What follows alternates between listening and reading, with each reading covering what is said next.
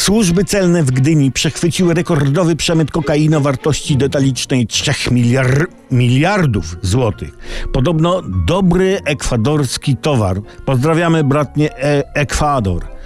Cóż, no gratuluję służbom, ale nie gratuluję władzom kraju, bo co robią władze, gdy przejmą narkotyki? Po procesie wiadomo, marihuanę palą, to widać, a inne narkotyki niszczą. I to jest moim zdaniem błąd. Karygodny i bestialski błąd marnotrawstwa, mord na godziwym zarobku dla dobra Polek i Polaków oraz ich dzieci, oby ich było jak najwięcej, ale nie o tym, jak je robić, chcę tu mówić.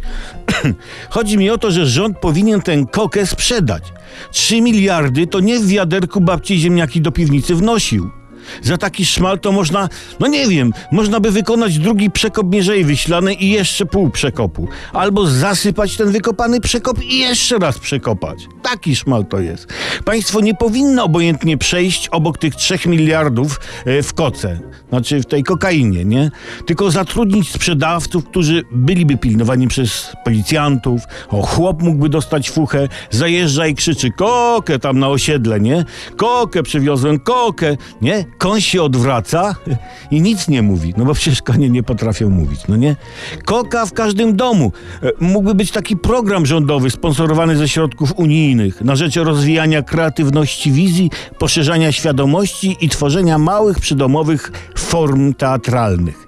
Program taki, byśmy napisali w Brukseli w uzasadnieniu, służyłby zacieśnieniu więzi handlowych między Unią a Ameryką Łacińską. A, a słuchajcie, no, a nic tak nie poszerza zacieśnienia, jak właśnie koka. Koka.